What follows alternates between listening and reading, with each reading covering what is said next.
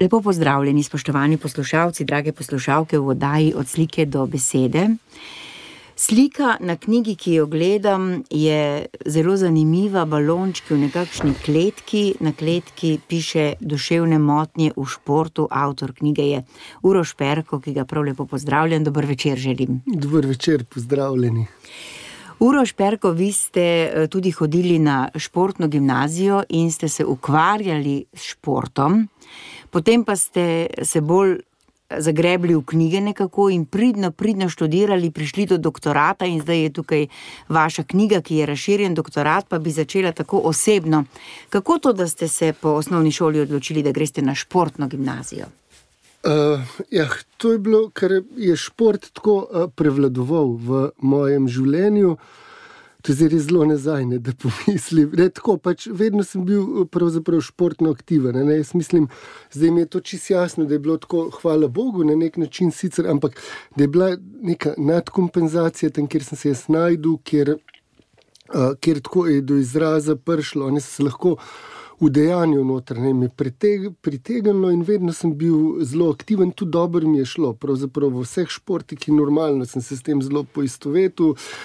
Uh, takrat gimnazija, športna se je, mi smo bili druga generacija, ne se je ravno odpirala, prej bila samo škofilo, ki je smučarjem namenjena, ta v Šiški je pa potem ena generacija pred nami začela, so bili predvsem atleti, no, mi smo pa potem prvi bili, so bili tudi drugi športi in uh, takrat se je to izkazalo uh, kot, ka, mislim, samo umevno, pravzaprav je mhm. bilo, da sem šel na to uh, gimnazijo. Zdaj, takrat to se mi je zelo dobro zdelo, danes uh, mi je mal žal, ne, da nisem kako drugo, bolj klasično opisal, da bi več nekega tega znanja, ne širokega, pridobil, ker tam je tako zelo, uh, ker je bilo v, na začetku, a ne je bilo tako zelo uh, razpuščeno, bi lahko rekel. In sem bil bolj uh, dopisni član. ja, dopisni, pa vseeno telo je pa moralo kar sodelovati. Ne?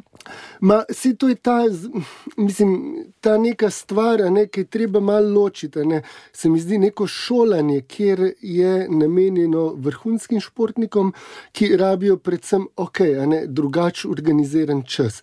Mi tukaj smo pa imeli, kot naprimer fakultete za šport, ki ni nujno, da je najboljše za vrhunske športnike, ne, gre pa, kjer je potem več poudarka ne, in na športu, in učenju v športu. In tudi mi tukaj, ne, športna gimnazija se je takrat utemeljevala s tem, da smo več telovadbe imeli. Ne. To je bila zadnja stvar, ki smo jo mi rabili tam, ne, tako, ker smo bili stalno aktivni. Ne, smo neke druge stvari rabili, ampak je šlo, vsaj pri meni, bilo potem to izrazito. Ne. Jaz, ko sem začel prvi letnik, vem, da prvo polletje, bolj kot ne, sem bil med prav dobrim, odličnim, uh, sem imel super ocene. Potem sem pa videl, ne, da seveda lahko mi to pol manjkamo, uh, da noben pravzaprav res nekaj velik ne zahteva, da ni nekih posledic. Pol sem si pa jaz to zelo tako vzel, ne, ne lahko in konc, uh, pr, mislim, si to ni skrivnost, ne konc prvega letnika. Tako je bilo, lahko mi, da sem naredil, ne sem imel tri popravne in potem. Uh, Vse ostalo pa komaj dve, da se razumemo. In drugi letnik je bilo isto, tretji potem na koncu sem šel pa že sam v Ameriko, takrat je bil pogoj, da moram biti pozitiven. Ne, pol mislim, sem bil prav dober, tako z lahkoto. Četrti letnik pa spet ne, uh -huh. je mhm. šlo zelo nadol. Tako da tukaj to, ne, ni, mislim, se pravi, po eni strani je bilo sicer fajn, ker sem veliko lahko okol hodil, pa hkrati si pa že ta moj kaos, ki tudi v knjigi opisujem kazo. Ne, ni bilo nek red, je bil pravzaprav samo v treniranju, ne, vse ostalo pa kup enega časa in okol ni štimalo, ne, ni bilo tako, kot bi mogli biti. In to je bil samo en odraz tega. Ne, če bi tam v bistvu. Tako, ne, mi smo imeli potem smo imeli, spraševali so nas, ko smo sami si določili. Ne. Mislim, tako z današnjega, ko gledam, pravzaprav takrat je to bedarije za nas, ne, ker mi smo potem datume določili, normalno te ni bilo takrat v šoli, potem ne, in tako naprej. Bi, bi pa komod z vsem treningi in to, mislim, da tukaj samo res. Kaki smočari, ki bi bili iz tega izuzeti, bi komota ne normalno, vse normalno uh -huh. delo. Ne, Vi ste se potem eh, posvetili športnemu plezanju, eh, pa me zanima, kaj vas je gnalo pri tem plezanju. Sploh, če gledamo te naše alpiniste, ne, kot tvegajo življenje za ta adrenalin, se človek vpraša, kje je tukaj zdaj zdrava pamet. Ne? Kaj je to, kar človeka žene v nemogoče skale? Ne, ne vem, mislim, tako zdaj morda v to razočaral odgovor. Meni je bilo. Seveda, kot oče in mama, ne, ki tukaj se mislim, da poslušalci dobro poznajo, ne verjeno in Andreja Perko. One dva pač ste takrat hrugli, šla sem jaz sedem let. Ne, in del tega je bil, da smo v hribe šli. Ne. Ampak potem smo bili veliko v hribih in meni seveda hoditi je bilo dolg čas, ampak plezanje me je pa navduševalo. Ne vem, kaj je bil tem razlog, ampak en prvih spominov, ki jih jaz imam, je, uh, ker sprav veliko z otroštva se ne spomnim. Ne, uh, In se pa spomnim, kako smo z mamo, in jaz sem po mojem vrtu bil, ne, ko, ko smo gledali kamniške alpiniste, ki so odhajali takrat na star grad plezati, ne, z vrmi, čeladami in pol mi mama razlagala, kaj vse imajo, ko bo. Ne, tako, tako da očitno je to bilo globoko v meni. In Jaz sem potem pri desetih že šel, to je bilo leta 86, takrat športnega plezanja še ni bilo, ne? in svet si mogel biti polnoleten, da si lahko, ali saj 16, da si lahko v hribih začel plezati.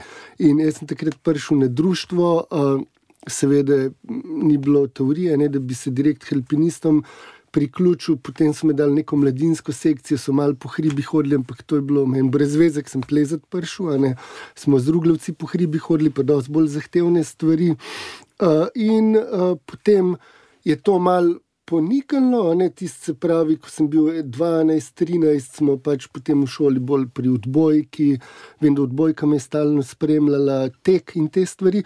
Potem pa v uh, tem pri 14, ki si pa jih lomilo, ki je bil ta uh, puberteta, tako težko uporništvo. Ne, uh, Pravzaprav je pa potem se to plezanje spet pojavilo ne, in me na nek način z tega tudi vam potegnilo, in, in tako je. Takrat pa je že bilo športno plezanje v Kamniku, je prva umetna stena bila in me je not potegnilo. Še vedno sem imel namen. Kot alpinist se vdejstvovati, ampak potem je takrat lih to športno plezanje pri nam bilo v porastu, me pa čist tukaj not potegnilo. Mhm. Kaj sta pa starša rekla? Neč oni, da ste to podpirali, že alpinizem takrat, tako da z te strani nisem to nikoli težav imel. Tukaj to so uh, pustili. Ne. Tako da ni bilo, uh, sploh kar mnogima, ne svede, ne boš plezal, to je nevarno. In tukaj ne, no, tukaj to ni bilo težav. Uh mhm. -huh. Pa so pojegojevali, recimo, ja, veš, zdaj pa če ne bodo ocene dobre, ne boš šel uh, plezati ali ne bomo šli tja in tja. Kako je to šlo? Uh, to so zdaj občutljive teme. Niso, pa mislim, da bi bilo takrat bi oče mogel. Bolj to pogojevati, pa ni. To lahko nekaj, kar bo tukaj vprašati, zakaj, zakaj ni. Ampak to takrat, no, ampak seveda v srednji šoli se mislim, da je to, ne, to tudi naš oče uči. Pravzaprav zdaj v skupinah to tudi živi ne, in kaže svojim zgledom. Pač v, v srednji šoli je stvar najstnika, ne, da to šolo dela in njegova skrb in starši tukaj se nimajo kaj dosti več utikati. Se pravi, dokler šolo zdeluje neke stvari so, ne, uh, potem jih pa ni več, ne gre pa delati. Jaz, če ne bi izdelal razreda, sem pripričan, da bi mogel delati. Ta, ne, to je tudi tista varovalka, da sem potem ne vedno imel lih tiste tri popravne, pa sem jih potem naredil. e, tako da potem pa, ko po maturi in to, ko pa nisem, ne naprej več, vse bilo pa jasno, ne sem se tudi v celu in uh, da, da ne bojo tega gledali in tolerirali. Uh -huh. uh, je pa škoda, ne? če bi tam mal bolj morda, ampak dobro, to zdaj za nazaj. Ne? Za ustroval, sigurno, ne, če bi mi mal pogojeval to plezanje bi, bi, bi najbrž nekaj lepše. Mm -hmm. Ampak to zdaj nima niti smisla, ne se pravi, niti ne vem, če je to takrat dejansko gledal neka njegova naloga, več bila pri 16, 17. Uh -huh. Kako ste se pa potem odločili za pot naprej? Ko je bilo srednje šole konec. Ah, ki je bilo srednje šole konec, to je šlo na glavo. Ne? To je bil potem en tak, se vse skupaj, ne, že, že to to pozno najstništvo je bil nek upor v četu. Ne? Ker oče takrat pol hitro, ko je bil navdušen nad plezanjem, je pa seveda, ker sem jaz sam to delo, je imel takrat prav, danes z današnjim očmi, ko gledam. Takrat mi pa seveda to ni bilo všeč, ker on je seveda dal, pa mora biti izobrazba, pa ne more biti sam plezanje. In v tem kontekstu nisem dobil potrditve, ki bi jo potreboval. In normalno sem bil jezen. in sem se upiral še toliko bolj. Zdaj ti bom pa dokazal, da, boš, da, da lahko s plezanjem preživim. Ne? čeprav globoko vse najbrž sem vedel, da ni lih neke osnove tukaj, ampak sem šel ne, čist na glavo noter in sem samo vse v to dal, seveda, samo zdaj plezanje in. In s tem bom preživel, in meni to čista ne moja identiteta, je bila samo tukaj kot plezalec. In potem sem to kar nekaj let, ne vso, vso svojo uh, energijo noter, noter dal. Ne. Ampak kdaj vam je potem zmanjkalo tisto nekaj?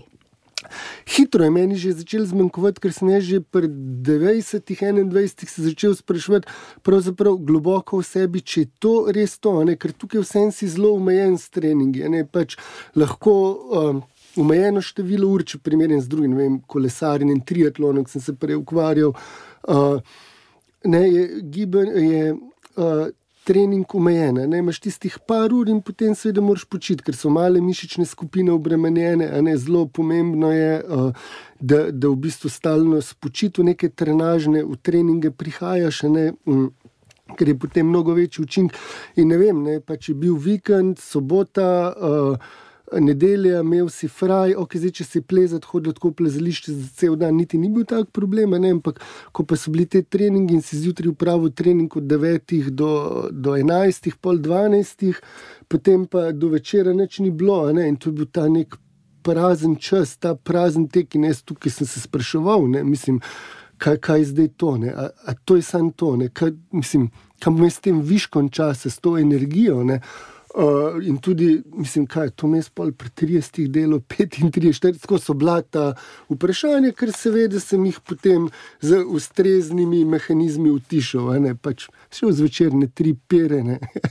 tako po domače rečeno, in potem ta vprašanja so uh, zginile. pa seveda to pripeljal potem do uh, tako zelo močne izgorelosti, ne pri 27. 28, pardon, 28, ja, mislim, da je zelo močno izgorel, sem bil prisiljen potem zaključiti. Hvala Bogu, tudi zdaj ja. gledam. Zdaj je zanimivo, kako se ozirate na pot, eh, ki ste jo prehodili, a ne prepričani, da boste s športom nekako sebi in staršem dokazali, da je to to, pa vmes že vprašanje, ali bo ali ne bo. Vendar le se od tistih vaših mlajših let zdaj vaše življenje zdi bistveno drugačno. Ne ukvarjate se z ljudmi kot terapeut, tudi kot oče eh, in mama, ne ko delata tako z ljudmi. Napisali ste tudi knjigo, ampak predtem ste napisali to knjigo, ste jih verjetno ne malo prebrali, kolikor vem, sta tudi oče in mama navdušenca nad knjigami. Ja, seveda, okay, to so te stvari, ki so pravzaprav zipko uh, položene. Ne? To se mi zdi ta zgled staršev, ne? kar je tudi zdaj, ki sem jaz. Uh, Ko se staram, ko so moji otroci odrasli, ne, to je tisto, kar jim zgledam. Mi prvem pač knjige so bile in to je del mene, del odraščanja. Pač edina stvar, sem, ki sem jo oddelal, mislim, je to, uh, poleg plezanja, je to, da sem veliko bral, pa že prej, že tudi v otroštvu to nas je res stalno spremljalo in ta odnos do tega, do, do knjig, je vedno bil prisoten. Uh -huh. in, mhm. in tudi danes, seveda, je. je Temu tako. Mhm. tako da, uh, ja. Ja, se pravi, uspavali ste se tako, kakšen uh, kozarček uh, piva, ne? in potem človek menda dobro zaspi, ampak zbudi se pa potem malce s težko glavo, če je teh količin ja. preveč. Ali ste pomislili, da se mogoče utegne zgoditi tudi kakšna zasvojenost? Ah, se to izkosi na meji. Tega sem se dobro zavedal, zato ni šlo čez črto. Uh, ker v bistvu to, ne, oče si šel zdraviti, sigurno posledice tudi, so se odražale po tej nadkompenzaciji v športu in to so, ne, da sem jaz sedem let odraščal v alkoholiku, tukaj ni uh, uh, nič za zanikati teh stvari. Ampak uh, jaz sem stalno vedel, da to, kar mi delamo, ne, uh, to, kar športniki, ki smo se napijali, ki smo se umamljali z alkoholom in druge stvari, da to ni normalno. Čeprav ne si to je ta problem, ker pri nam je to vse normalno. Meni je bilo jasno, da ni. In jaz sem točno vedel, tudi pol kasneje, da, da, uh, da moram zelo paziti, ne, da, da ne smem, ne vem v popoldanskem času že pive odpreti, kot so nekateri delali, ker pač se ne bom ustavil. Ne. In je bilo to zavedanje, pač ravno zaradi očeta, kam, kam to lahko pele in koliko hitro pele. In vsem toliko zasveščen sem bil, si tudi pruglo zraven, sem bil, spremljal sem to, kar je oče delal, a ne mi je bilo jasno, kako stvari grejo. Ne. Tako da to, to neko bremzo, kljub temu sem imel. Smo pa, uh, mislim. Smo pa seveda v tem času normalno. Ne? To je bilo toliko neke, zdaj ko gledamo, ne? neke nadkompenzacije, pravzaprav nekega nekega potlačevanja, ne, da, da sigurno je tukaj bilo predvsej alkohola, dejansko, da, da to, ko zdaj gledam, da se lahko preživi na nek način, ja. ne, vse skupaj.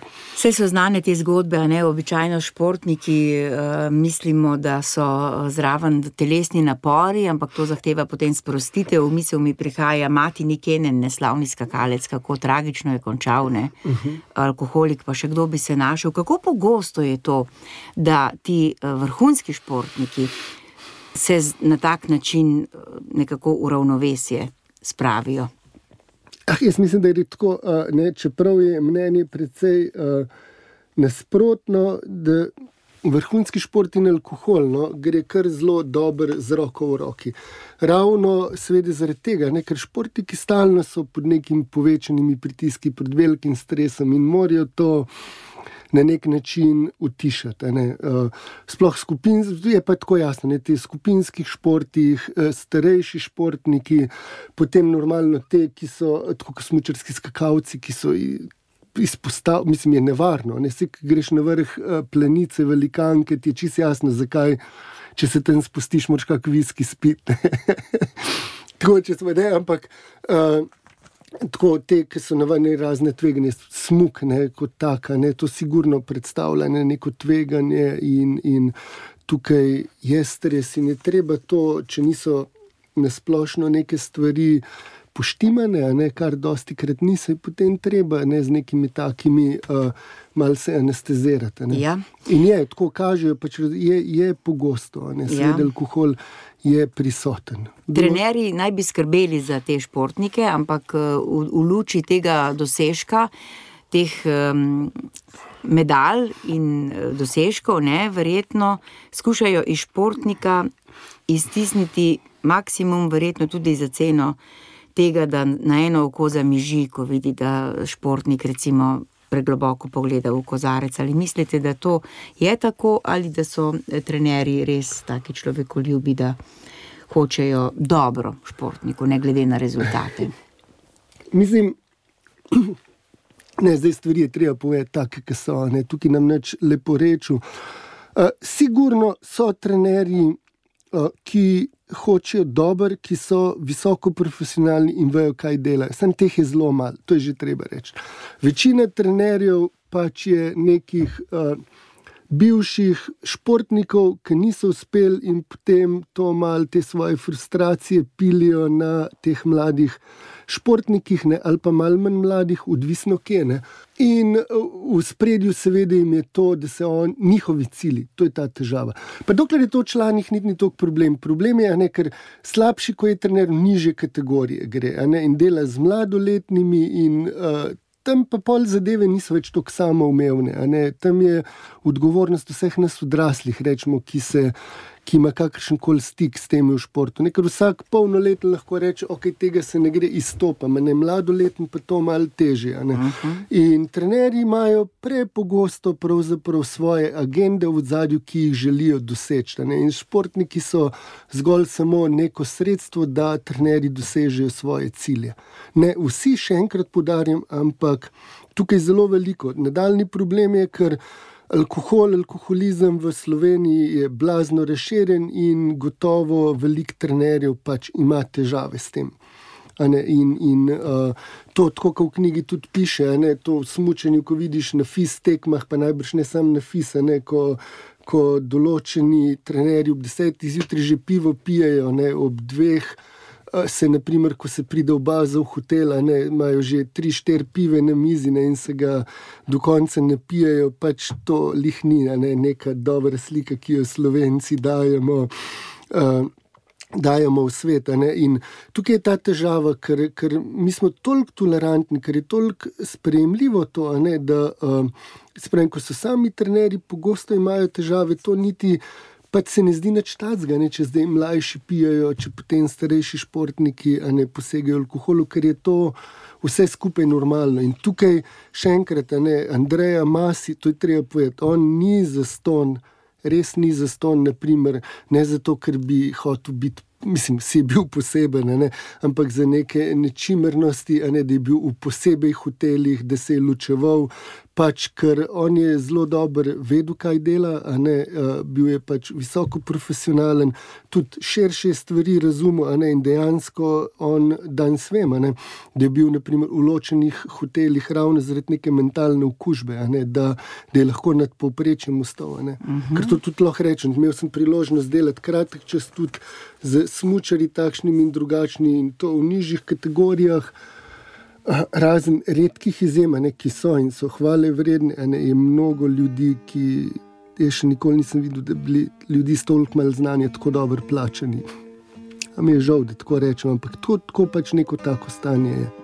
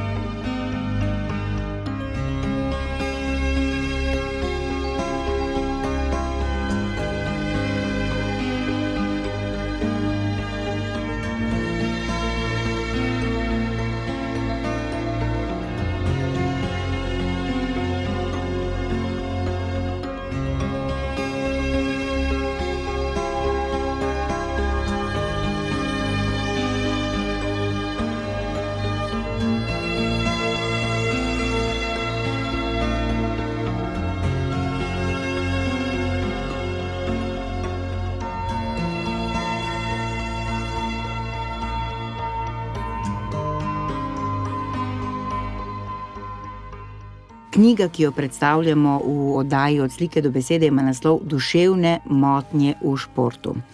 Zdaj vemo, da te motnje so take in drugačne, pa me zanima, ali potem v športu pride samo do določenih duševnih motenj, ali velja za športnike enako kot za vse ostale ljudi. Zdaj, prvo, kar je treba reči, To je tako zelo neki začetki. Ne, tudi knjiga, tukaj lahko merno rečem, da je pionirsko delo. Ne, tudi, ko sem jaz 2017 začel, 2016 doktorat delati, je bilo zelo malo odzune, tudi v tujini raziskava. Uh, zdaj je pa v lanskem letu, mislim, da je to postala ena top tem med športnimi psihologi. Tudi pri nam se je začelo zdaj z lanskim letom več uh, raziskovati. Tako da uh, načeloma pa velja to. Pri športnikih ni načeloma težjih duševnih motenj, se pravi nekih šizofrenij, bipolarnih motenj, takšnih ali drugačnih psihoz, če so že, so kot posledica jemanja določenih uh, poživil, ne predvsem teh anabolikov. Uh, je pa pogosto, ne, se pravi. Uh, Motne hranjenje, naprimer, so pri športnikih bolj pogoste kot med splošno populacijo. Pravijo. Potem naj, najpogostejše med športniki je pa pojavnost, seveda, depresije, anksioznosti, potem je pa en kup športno-specifičnih, uh, športno-specifičnih duševnih motenj, ki pravzaprav ne vemo, kam jih dati. Naprimer, anoreksija atletika se reče, taka, ne dobro poznana, ampak kaj je razlika? Ne? Pri anoreksiji atletiki, pravzaprav, ko gledaš športnico, se zdi večina njih anoreksičnih in tudi uh, zelo podobne načine prehranevanja imajo, ne, uh, tudi neke fiziološke simptome, ampak velika razlika je, ko ne prenehajo športom. Skrat nekaj plezalk poznam, ne, ki so prepričani, takrat, ko tudi tega znanja nismo imeli, da so anoreksični. Ne, pač niso bile. Ne, in to je to, ker so imeli to anoreksijo, atletiko, in ko so zaključile, so one pravzaprav postale v parih mesecih normalne, pridobile normalno težo danskih pogledov, si niti mislili ne bi, ne, da, da so bile tako shujšene. Ampak pri mnogih pa seveda uh, to pristopi. Zdaj, normalno je, če pogledamo uh, prisotnost ne, težav v duševnem zdravju ali pa duševnih motenj. Zdaj, kaj je težava? Ne? Težava je to, da se to zelo skriva, da se zelo pometa. Da se mi zdi, da morda neko splošna uh, populacija se tega še bolj zaveda, kot strokovna. Ker se vse naredi, da tega, ker športniki normalno so močni, sam tisti ne, naj, najmočnejši posamezniki, ni prostora za tiste, ki bi bili šibkega duševnega zdravja, ampak slika je pa nasprotna. Ne? Tudi zdaj, ko to knjigo se predstavlja in v raziskavi, ki sem pravzaprav zanimanja z strani stroke ni nobenega kar me ne preseneča. Ne. Eh, je pa normalno, zdaj, če gledamo, da športniki, seveda, eh, da športniki, da so investirajo tako ogromno časa, ne investirajo v šport in pogosto že v najmlajših let. Zgubijo osebno avtonomijo, ne, niso upolnomočeni, se pravi, so zunanje usmerjeni, eh, se pravi, heteronomno, ne, so usmerjeni, da drugi v bistvu jim vse urejajo, odrejajo, kar so si pogosto, sploh starejši športniki, tudi sami malo krivi, so toliko fokusirani samo na šport, da v drugih stvarih niti ne razmišljajo, pa bi bilo dobro, ne, če kdaj bi, rečemo, to je ena stvar. Uh, potem je, uh, imajo. Uh, problem identitete. Rečemo, oni so samo, če so samo kot športnik oblikuje. Tukaj le primer je Franci Petek, ko je, ko je naprimer, doktoriral zraven, ne uspešno študiral, kasneje doktoriral in je rekel, seveda, vse ta čas med treningi, tekmami je imel ne, za učiti. Normalno, ko je zaključil kariero, je ta prehod gladek bil, zdaj če si sam športnik. Blazno velik je seveda razočaran, rezultatskih, ne tisti najboljši večkrat zgubijo, ko zmagajo, kaj šele tisti malo manj uspešni. In poškodb je ogromno. In tukaj, če, če si ti zgolj kot športnik, ne, to, kar si naprimer meni naredil, ne, identificiraš, je potem težava. Ne, v vsaki poškodbi, uh -huh. v bistvu v vsakem neuspehu in tako naprej. Vse to normalno jih dela renljivo ne, za, uh, za določene uh -huh. duševne motnje. Ne. Ko slišimo, da recimo športniki eh, dosegajo dobre rezultate, bi pa želeli še boljše, potem eh, za nekatere rečejo, da ja, zdaj pa ima novega psihologa, zdaj pa menda že bo, ne? ker to delo mhm. psihologa ne bi se poznalo. Kako vi ocenjujete to delo psihologa? Kakšno je delo psihologa pri takem vrhunskem športniku? Ja, delo psihologa, mislim, pri nam je tako treba reči. Ne? Športni psihologi, to je res zelo dober primer, mislim, to je primer zelo dobre prakse. Pravzaprav so že nek zlati standard in po njih se lahko zgledujemo, ker delajo res odlično. In mnogi športniki se povejo, če ne bi s psihologi sodelovali, ne bi imeli takšnih rezultatov. In slab, rečemo 30 let nazaj, približno, ko se je to začelo tam 94, 95, pravzaprav si bil mal čuden, če si psihologa rabo, s tabo je nekaj narobe. Ne? Danes pa mislim, da je to standard. Ne? Ampak tukaj zdaj, kar je težava v bistvu za vse to naprej. Tudi to, kar smo jaz pokazal s to raziskavo in kar se raziskuje, se lahko na to naslonimo. Je primer dober prakse, vidimo, kako se dela, in tukaj je treba zdaj pa malo eh, različne stroke združiti, ker pri športni psihologiji težava je to, ker oni se ne ukvarjajo z ne, v večini primerov z nekom, ki je depresiven, ki je anksiozen z odpravljanjem simptomov, ampak predvsem je cilj čim boljši nastop. In tukaj mislim, da v, uh, ni pravi odgovor športni psiholog, vsaj v tej obliki, kot je zdaj, ne, za, pravi, ne, za neko uh, simptomatiko. Uh, Težav v duševnem zdravju, ne, ni, ne pravim, da ne znajo, ampak ni tukaj fokusa, ne, ker se s tem ni ukvarjalo. In zdaj je tukaj treba, pa se mi zdi, je malo širši malo širši nabor strokovnjakov, seveda, vključiti, da, da, da bi se prav pristopilo tudi v teh primerih, ko se srečuje z depresijo, anksioznostjo uh -huh. in tako naprej, motnjami hranjenja uh -huh. in tako dalje. Ne. Ali je to tudi v svetovnem merilu, se beležijo, ne vem, kakšni rezultati ali pa kakšne, recimo, smrti, kot smo slišali pred časom, recimo. 30 let, še ne 30 let star fant, vrhunski nogometaš in ne vem, kap, srčna kap ali možganska kap. Ja, to je zdaj drugo področje. Tako da, mislim, zdaj, če se beleži, uh, mislim, sigurno se beleži, zdaj odzune je nekaj raziskav, zdaj, če ostanemo pri temi duševnega zdravja. Je, ne? In pri nas so se zelo podobne stvari. Je pa to moja, ki sem je naredil, pravzaprav prva. Je, sicer zelo površinska in mi nismo šli nič kaj globoko, ker, ker nič ni bilo znanga pri nam. Mi smo samo z nekimi testi neko presečno stanje naredili, ki je pokazalo iste stvari kot tudi zunaj. Da je ta prisotnost, zdaj pa nastavki so in bo treba iti seveda malo globje pogledati, kakšne, kakšne stvari so v zadnje. Zdaj pa. To, kar je s temi smrti, pa to vse, če poznaš malo, kako predvsem poživila delujejo, nekaj ponavadi ravno učinkuje to, kaj je glavni problem, kar so nas učili. Ne, je, ne bi bila ena izmed teh težav, ne, ko hipotalamus pač ne zazna več, ne segrevanje v notranjosti in, in gre tukaj temperatura, ne se dejansko pregrejejo, pogosto da pride do srčnih odpovedi, pa še mrzke, najbrž v zadnjem. Uh -huh. Treba pa tako vedeti, da pri 30-ih pač žal, ne zaradi kapi, tudi ne športniki, kdaj pa kdaj umrejo. Je pa res, da je pri športnikih kar, kar velik problem eh, teh težav, ne teh smrti. Tukaj jaz mislim, da gre ne ravno uh, zaradi najbrž tukaj z roko v roki z prepovedanimi substancami, ne, kjer mhm. se to dogaja v večini primerov.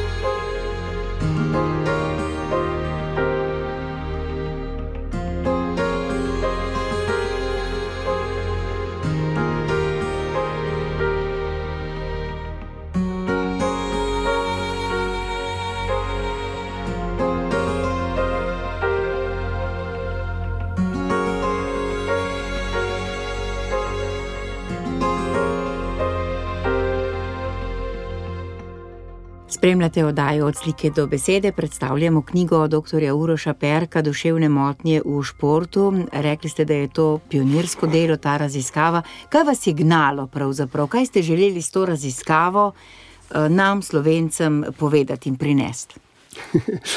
Mislim, to je bilo tako, uh, kaj pa vem, kaj sem že. Pač pokazati neko stanje, ne, da uh, v bistvu, je to tudi prisotno. Ne, vse je normalno, tudi preko moje zgodbe, ki sem bil del tega notra. Potem pa tudi sam. Kot sem na začetku rekel, res predvsem sem se učil uperu, ne to je baza, tudi ta šport, ne ta odmik. Pravzaprav, da sem sam sebe prek tega spoznal, ampak si meni tudi zelo veliko lepega prinesel. Rečemo med 15 in 20 letom. To, to je bilo krasno in ravno takrat, ko si najbolj zmeden, uh, pravzaprav sem jaz točno vedel, kaj meni definira, kaj želim. Blazno veliko smo okoli hodili, tako v Francijo, Italijo, tudi tako, takrat je bilo pleznejše v povojih, smo se vsi najboljši skupaj družili, uh, tako mali krok je bil tako, to je bilo enkratno, ne, v Ameriko, pri 18-ih sem sam šel, ne, za skoraj dobre dva meseca in tako naprej. Mislim, super, ne, ni bilo zdaj samo neka drama, ne, ampak je pa bil upor v četu in tudi kasneje, potem pa se to samo sebi namen rade. In tam pri 24, 25, 26 postane samo to. Ne, če se ne ukvarjaš s športom, pravzaprav se čisto odvisniški vzorec, počuti slabo. Če pa. Uh, To, da pa se ukvarjaš, pa pravzaprav nič več lepega ne prinese. Ne. Po končanem športu, sem se usmeril v prvi vrsti v študij športa. Ne. Čeprav me je že zdaj, ki ne že pri 15, 16, poleg ne, svetovnih romanov, svet sem imel pri sebi uh, in zelo veliko sem čital psihološke literature. Ne, ampak, ker sem razmišljal, takrat me je že vleklo psihologijo. Uh, Ne, to nam šel, ne tako fotor, ne, ne, nikakor ne, ne, sem bil še upornik, ne, seveda. In uh, pa čeprav sem potem diplomsko delo, vse izbirne predmete, magistrsko delo, vse na temo uh, psihologije športa imel, ne, in potem so delo športniki, kjer tako ne sem si bolj govoril, da me to res ne zanima, globoko sob, v sebi sem pa vedel, da, da mi to ni za delati. In potem je žena na neki točki v gledalo postavila, ki je rekla: Dobro, kaj ti delaš, ne, lej, glej, kje si, ne, glej, uh, ne.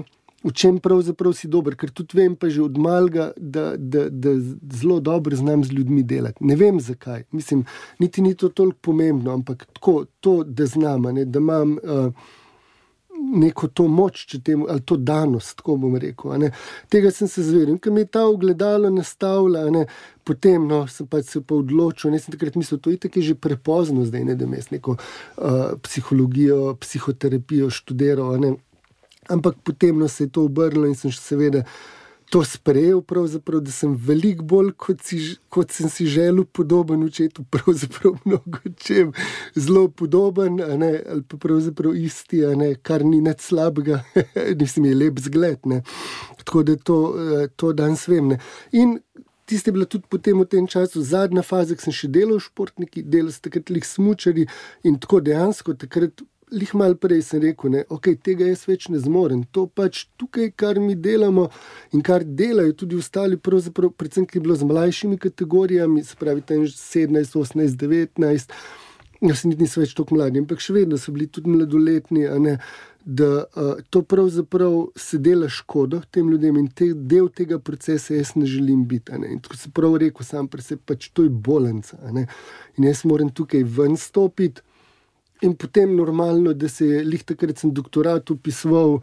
Je sam po sebi tema se pravzaprav odprla ne, s to zadnjo epizodo, kjer sem delal v, uh mhm. -huh. v športu. Ne. Če pravite, da je to neka pionirska raziskava, bi človek pričakoval, da bi eh, to za tiste, ki v športu delajo z ljudmi, ne, to postalo nekako obvezno branje. Ja, super bo, če bo tako, bojim se, da ne. ne. To je tako, kot s preventivo. Veste, ki je zelo velik za svojenimi delom, pa to je pa ta preventiva, ki ima zelo omejen doseg, uh, ker, ker pač tisti, ki bi to najbolj rabili, ni blizu. Ni na predavanje. Naprimer, ne, in tako mislim, da s to knjigo, tisto dejansko, ki so najbolj problematični, tudi približno ne bojo v roke perjele. Jo bojo pa sigurno tisti, ki se tega problema že zavedajo. Kar ni nad slabo, ne, sigurno sem pa tja, pa bo prišlo komu v roko, ne, in jaz morda tukaj bolj kot. Trenerjem, čeprav trenerji spet, tisti, ki se tega zavedajo, sem pripričan, da bojo pograbili. Uh, Seveda, tisti, ki ne, so najbolj problematični, ne bojo. Ne? Mislim pa, da predvsem tukaj staršem, ker moja izkušnja je, da z, z, z mladimi se zelo velikrat v športu zelo neprimerno dela. Ne? In se zdi, kot da starši temu uh, to dopuščajo ali pa še celo želijo, ampak pač starši so tukaj pogosto krat nepoučeni in mislijo, da je to dobro za otroka. V dobri veri to delajo. Moja izkušnja je bila, da sem z manjšimi, mlajšimi delal, če ti staršim razložiš, delajo vedno. So dobro namerni, razen redkih, redkih izjem, a ne do otroka. Tako da jaz mislim tukaj, da znaš starše nagovoriti, ne predvsem pa same športnike, ki so v tem procesu, ne tisti, ki niso v prevelikem zanikanju, pravzaprav da vidijo, tudi prek osebnih zgodb, ne, da stvari, ki se jim dogajajo, morda kljub vsemu niso najbolj normalne, samoumevne in da je lahko tudi drugače, uh -huh. da ne mhm. rabi tako biti.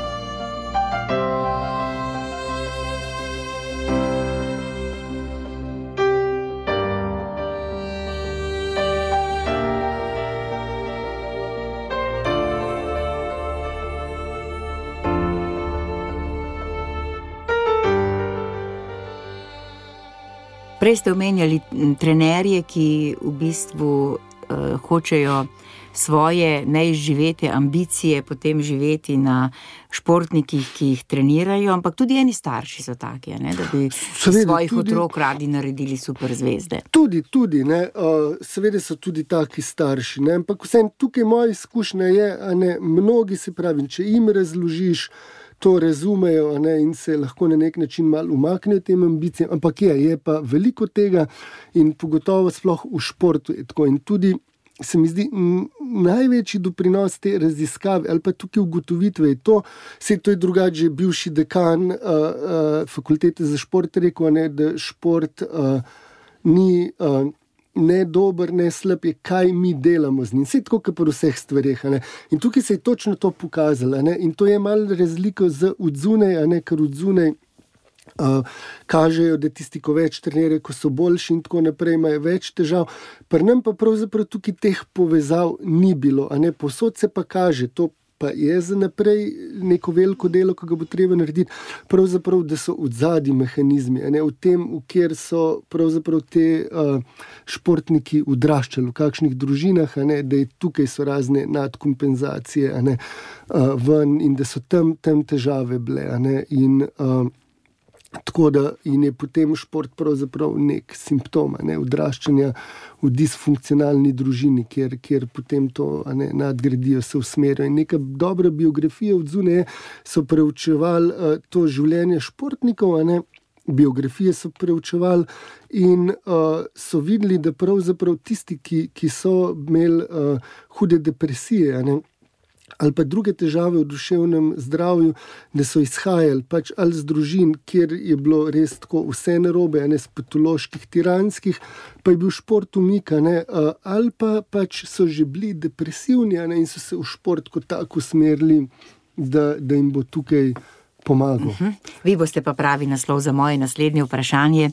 Kako to, da američanom, ko jih gledamo, ne, vedno, ko gre za res, nekako uspe iz sebe iztisniti najboljše. -huh. Za mnoge druge športnike, tudi za naše slovenske, recimo pri alpskem smučanju, pa pravijo, da ja, na treningu gre že tako dobro, ampak potem, ko pride tekma, potem pa se nekako ne zgodi. -huh. Ja, ker jih vzgajamo drugače. Veste, to je ta razlika, ne ta neka samozavest na čist drugem nivoju. Jaz mislim, tukaj pa pri nam je ta nek kolektivni sram, ki se z roda v rod prenaša. Ne? In tipičen primer se v knjigi sem to opisal, pa ni, da bi. Uh, Da bi, naprimer, primer Rogliča, ne, ki je nevreten in to, kar je dosegel, mislim, je vsega spoštovanja vredno. Ne. Ampak ne vprašanje, če res to, da on tura ne zmaga ne, in vse te njegovi nesrečni slučaji, če so res zgolj kot neka nesreča ali ne, je to skoraj neka nezavedna, seveda, samo sabotaža, ker si uspehov, naprimer, ne zaslužiš. Ne. In američani tukaj teh pomislikov nima, njim to pač pripada. Slovenci smo pa še uh, delču tega. Ne tako, ne, mi pa seveda bolj ob strani radi hodimo, ne, kot ni to Jančer napisal, ne, ko že slovenec ne ob strani hodi. Ne, glav, ja, eh, glavo skloni ob strani hodi, ne, tiho bodi in boj se bogane, tako v tem stilu. In to sigurno, jaz mislim, da je tukaj od zadaj. Jaz se spomnim, smo plezati hodili v Francijo, ko smo bili mlajši. In uh, pač to njihov ta nacionalni ponos, ne, ampak tam normalno te, te moje generacije, ki so takrat 15, 16, 17, stari, ne, oni so bili od malega, ne, ne, ti si najboljši, ti boš nekaj, ti si super, ne, mi smo nekaj posebenega. Ja, normalno, da ga jih ni bilo strah, ne, nekega uspeha. Pri nam pa so ti vsi faušni, če si dober. In tukaj je dober primer, da se te kolektivne, tako kot odbojkaši, fenomenalno so zdaj igrali in to.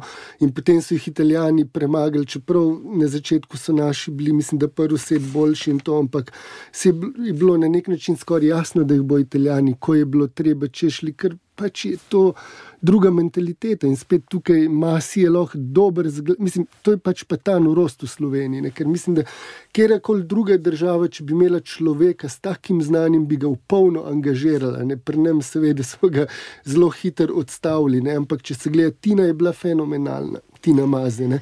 že v mladinskih kategorijah, seveda, ne fante, takrat ne. Uh, je bila boljša od fantov v mladinskih kategorijah, potem se ve, kako je šla njena pot v reprezentanci, dokler je v masi ni dobo. In masi kljub vsemu, ne, je italijan, ni zamejski slovenc, ne, čeprav zna slovensko in ima to mentaliteto. Ne, in, in tukaj ta presežek se vidi. Mi pa se mi zdi, da, da, da, da si tega še ne zaslužimo. Ja. Kljub vsemu, ne, rezultati so, radi pa očitno malo trpimo. Ne, in mhm. tukaj rezultati, kljub vsemu, ne, ne, mnogo, mnogo športnih, mislim, to zdaj skakavci, ki so oni, to je vsega občudovanja vredno, ja. pa roglič, pogačer in še marsikateri drugi, ne, da ne bomo lih krivični, pa vse v neki slabi sliki. Ne, vse ni američanov toliko več in tako naprej. Ne, mhm. ne, bi, Ko ste omenjali Masija, ste rekli, ja, da bi ga recimo nekdo pametno vključil v vse možne ekipe za delo, ne samo, da ga nismo vključili, to ne ta v Grinca, kar naprej še na plano vlačimo.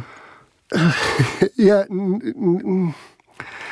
tukaj sem pa, mislim, dobro, to ne v Grin, ne vem, tukaj ne morem komentirati, ker. Uh, ker pač tudi, ko je on deloval vse skupaj, ko je to bilo, sem bil premajhen, kaj pa vem, ampak vse lahko bi, ne vem, Šmit, tako je, pa, pa Gartner, Filip, ne, to so ljudje, ki, ki so starejši, ki, ki imajo presežek znanja, pa se jih tudi, mislim, da bi se jih lahko še vključevalo, pa, uh, pa se jih, na primer, ne, ne, se mislim, da to ne v Grincu tukaj druge funkcije imel, ne, ni toliko direktno kot nek trener bil kot to, ampak kot nek organizatora. Ja, Tako da ne vem, ne vem, tukaj niti si pravim, ne, ne vem čisto, mislim.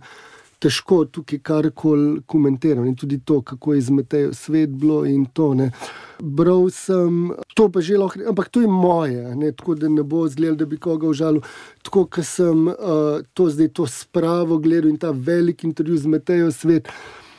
Imam občutek, no, moj občutek je, da nima razdeljeno vsega, kar v kup stvarih noče govoriti. In se mi zdi, ko imaš razdeljeno, da tiste ključne stvari upaš povedati. Ne? In tako malo, to mi je sicer žal za njo, ker je fenomenalna športnica. Jaz sem prepričan, to zdaj kot psihoterapeut, kako dela ne, tukaj na psihiatriji, da, da je sigurno vrhunska. Ampak tak občutek sem dobil, da je povsem mal grenkobe prisotne ne, v vsem tem, še vedno. Ampak to je moje, tako da ne, uh, pa to, kam jaz v Grincu tudi težko komentiram. Ne.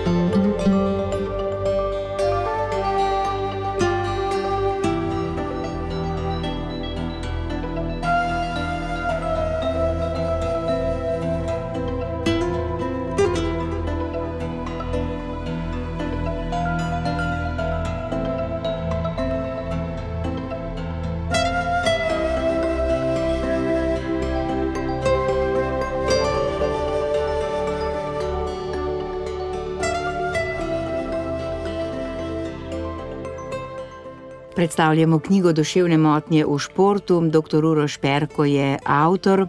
Vi ste tu naredili pionirsko raziskavo tega področja. Rekli ste, da je to pač prva knjiga in da bo potrebna morda še kakšna za kakšen globli potop in da bi razdelali še bolj na drobno. Ampak kaj je po vašem mnenju osnovna misel, ki jo prinaša ta knjiga? Jaz mislim, da tukaj največji doprinos je ravno to, ne, da, da sam vrhunski šport. Mislim, to je tako, kot pri drugih zasvojenostih ali pa odvisnikih, ne, kar se sicer čudno sliši, ne, da, da ni problem alkohol, droga, igralnice, če hočete. Ne. Tukaj ni problem vrhunski šport, ne. problem je pravzaprav vedenje športnikov, ki, ki se potem zraven razvija. Ne. Kaj je razlog, da se za to odločamo ne. in kaj mi pravzaprav izživljamo preko, preko športa. Ne. Ker kljub vsemu, kaj pa vem, če smo zdaj že po imenih, ne vem, jaz vedno prevce, brate, občudujem, ne, ki iz neke tradicionalne družine, spra, mislim, pravimi, ja, z nekimi vrednotami vratami ne, in, in uh, zelo lepo zadeve peljejo. Ne, tako da neč ne zgleda, da bi, kaj, da bi jim škodoval ali pa pokvaril jih vrhunski šport. Ne. Pa še mnogi, ampak na drugi strani imamo pa druge slike. Ne, ne vem, to smo nikaj ne rekli. Ne. Petr, ko je najbolj tragično figuro, zdaj ki je bila ta reportaža, ki bi se res ti gre na jok, vsem tem. Uh, pa še kakšne ne, druge bi se najdli. Ne. In glavno sporočilo je to, ne, da je težave, da so težave. Ne, da špo, tudi, ko smo mi dobili rezultate, Čeprav je pač presečna študija, niso to klinične raziskave z vprašalniki, treba vedeti, da vse to previdno treba interpretirati. Ampak ta doktor Pišler, psihiater, ki je bil, nekaj on te rezultate videl, je bil je brez besed vstal. Koliko je visoka neka prisotnost te depresivne simptomatike. In, ampak kljub vsemu, kot kaže, pač ni, ni problem v tem uh, vrhunskem športu, je, je v nekih stvarih v ozadju v zadju težava. In uh, tu treba vedeti, da športniki, kljub vsemu, ne sploh v današnjih časih, ne kot ko mladi ne znajo v, v, odlagati udobja, v ničemer potrpeti, ne ničemer se posvetiti. Veste, tukaj športniki, tudi potem, če se pojavijo te težave, ne, so, so v precej večji kapaciteti, imajo z njimi se soočati. Ne. Mnogi potem, če uspešno ne, identiteto še na drugih področjih zgradijo.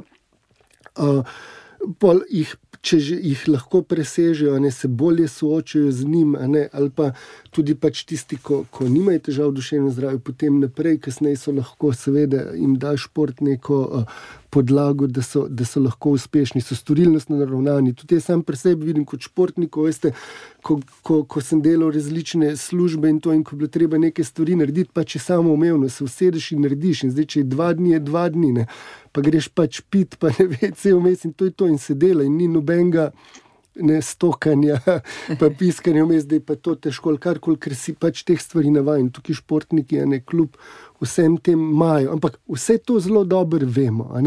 To, da pa imajo težave v duševnem zdravju, pač pa uh, se pa ne ve toliko, ker se pometa. To je ta težava. Zato se mi zdi pomembno, da se o tem govori. Ja. Kar nekaj tem sva odprla, upam, da sva naše poslušalce uh, tako nagovorila, da bodo knjigo morda kupili ali šli po njo v knjižnico, verjetno je po knjižnicah. Ja, ja sem ne rajš, ker kupijo. ja, založba Buča ne to izdaja. Eh, hvala lepa, bom rekla, doktor Uroš Perko.